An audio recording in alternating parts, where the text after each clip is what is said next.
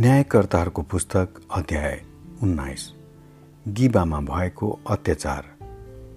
त्यस बेला इजरायलमा कुनै राजा थिएनन्।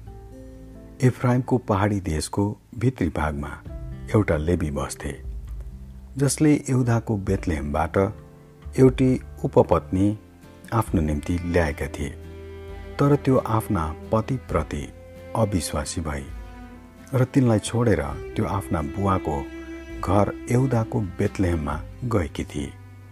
जब त्यो त्यहाँ बसेकी चार महिना भइसकेको थियो तब त्यसका पति आफ्ना नोकर र दुईवटा गधा लिएर त्यसलाई मनाएर फर्काइ ल्याउन हिँडे। त्यस केटीले तिनलाई आफ्ना बुवाको घरमा ल्याए र त्यसका बुवा चाहिँले तिनलाई देख्दा स्वागत गरे। त्यस केटीका बुवा तिनका ससुराले तिनलाई जिद्दी गर्दा तिनी उनीसँग त्यहाँ तिन दिन बसे। तिनी बसेको बेलामा तिनको खुबै राम्रो सत्कार भयो। चौथो दिन तिनीहरू सखारै उठे र बिदा हुनलाई तयार भए। तर केटीका बुवाले आफ्नो ज्वाइँलाई भने जानुभन्दा पहिले केही खाऊ? यसैले तिनीहरू दुवै बसे र एकैसाथ खानपान गरे। तर केटीका बुवाले भने एक रात अझै बसेर रमाइलो गर। जब तिनी जानलाई उठे तब तिनका ससुराले तिनलाई बस्ने आग्रह गरे र तिनी अझै एक रात बसे। पाँचौँ दिन तिनी बिदा हुनलाई बिहानै उठे। तर केटीका बुवाले भने पहिले केही खाऊ। यसैले तिनीहरू दिउँसो अबेरसम्मै एकसाथ खाँदै र पिउँदै अल्मली रहे। तब ती मानिस आफ्नी उपपत्नी र नोकरसँग जानलाई उठे। तर तिनका ससुराले भने हेर त साँझ हुन लाग्यो। आजको रात यहीँ बिताएर दिल खुस पार र भोलि बिहानै उठेर घरतिर लाग। तर ती मानिस त्यो रात बस्न मानेनन्। तिनी उठेर हिँडिहाले र आफ्ना भारी लादेका दुई गधा र आफ्नी उपपत्नीसँग एबुस अर्थात् एरुसलमतिर गए।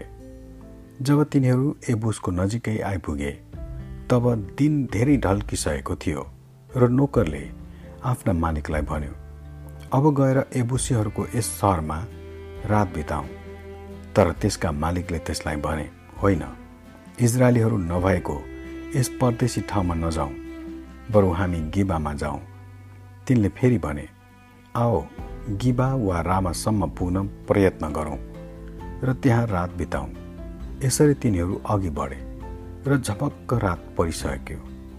त्यसबेला तिनीहरू बेनियमीका गिबाको नजिकै थिए। तिनीहरू त्यही रात बिताउनलाई पसे र गएर सहरको चोकमा बसे तर कसैले पनि तिनीहरूलाई बाँच दिनलाई आफ्नो घरमा लगेनन्। यसै बिचमा एकजना बुढा मानिस आफ्नो खेतको कामबाट बेलुकी घर फर्किरहेको थियो। उनी एफ्राइमको पहाडी देशका थिए तर गिबामा बस्थे जहाँका मानिसहरू बेनेमनी थिए। उनले यसो मास्तिर हेरे र सहरको चोकमा ती यात्रीलाई देखे। र तिनलाई कहाँबाट आएका र कहाँ जाने हो भनी सोधे। तिनले जवाब दिए हामी यहुदाको बेतलेहमबाट एफ्राइमको पहाडी देशको भित्री भागतिर यात्रा गरिरहेका छौँ। म त्यहीँकै हुँ।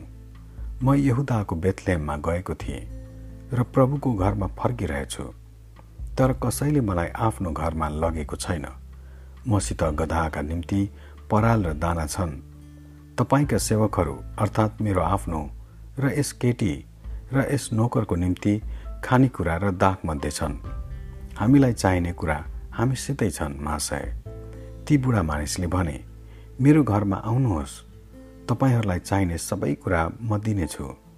तपाईँहरूले चोकमा रात बिताउनु पर्दैन। तर तिनलाई उनले घरभित्र लगे र गधालाई दाना पानी दिए। तिनीहरूले आफ्ना खुट्टा धोए र खानपान गरे। जब तिनीहरू यसरी खुसी मनाइरहेका थिए तब त्यस सहरका कतिपय बदमासहरूले त्यो घर घेरे र घरको ढोकामा धक्का दिँदै र त्यस घरका धनीलाई कराउँदै यसो भने तेरो घरमा बसेको त्यस मानिसलाई बाहिर निकाल। हामी त्यससँग सहवास गर्दछौँ। तर घरका धनीले बाहिर उनीहरू कहाँ निस्केर भने होइन मेरा मित्र हो यस्तो दुष्ट काम नगर। ती मानिस त मेरा अतिथि हुन् यस्तो अत्याचार नगर। यहाँ मेरी कन्या छोरी र यी मानिसकी उपपत्नी छन्। म तिनीहरूलाई तिमीहरू कहाँ ल्याउनेछु? तिनीहरूमाथि बलात्कार गर र तिमीहरूलाई जे मन लाग्छ गर। तर यी मानिसमाथि यस्तो अत्याचार नगर। तर ती मानिसहरूले उनको कुरा सुन्दै सुनेनन्। यसैले ती यात्रीले आफ्नी उपपत्नीलाई लिएर उनीहरू कहाँ पठाइदिए। उनीहरूले त्यससँग त्यस रातभरि बिहान नहुन्जेलसम्म सहवास गरे। र त्यसलाई अत्याचार गरे अनि बिहान भएपछि उनीहरूले त्यसलाई जान दिए। त्यो केटी मिरमिरे उज्यालोमा आए र आफ्ना स्वामी भएको घरको ढोकामा लडी र उज्यालो नभएसम्म त्यहीँ लडिरही। त्यस स्त्रीका पति बिहानै उठे र आफ्नो यात्रामा जानलाई घरको ढोका खोले र तिनले आफ्नी उपपत्नीलाई सङ्घारमा आफ्ना हात पसारेर लडिरहेकी देखे। तिनले त्यसलाई भने उठ हामी जाउँ। तर तिनले केही जवाफ पाएनन्। तिनले त्यसलाई उठाएर गधामाथि राखे र घरतिर लागे। जब तिनी घरमा आइपुगे तब तिनले एउटा छुरी लिएर आफ्नी उपपत्नीलाई टुक्रा टुक्रा पारेर बाह्र टुक्रा काटे अनि इजरायलका चारैतिर पठाइदिए। यो देख्ने प्रत्येकले भने इजरायलीहरू मिश्र देशबाट आएको बेलादेखि आजको दिनसम्म यस्तो कहिल्यै भएको छैन। त्यो आफै विचार गर के गर्नुपर्छ? हामीलाई भन। आमेन।